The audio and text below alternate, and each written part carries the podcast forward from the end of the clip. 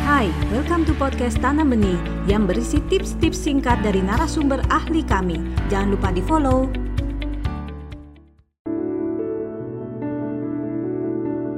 Tentu saja mulai sadar bahwa ini tidak tepat. Kalau semua orang dalam satu rumah sudah tidak bisa berkomentar, tidak berani berkomentar, itu bukan berarti keluarga aman, tentram, terkendali, tapi ada indikasi bahaya di situ. Bahwa artinya di dalam rumah itu tidak ada komunikasi yang efektif. Keluarga yang baik justru keluarga yang penuh dengan keramaian. Ada cerita, ada tawa, kadang-kadang ada konflik, tapi diselesaikan dengan baik. Jadi itu keluarga yang hidup, keluarga yang sehat. Tapi kalau semuanya hening, tidak ada keributan, tapi memang tidak ada percakapan juga, itu berarti rumahnya tidak sehat.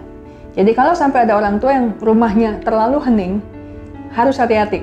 Pasti ada sesuatu yang harus diubah. Anda baru saja mendengarkan tips dari Tanam Benih Foundation.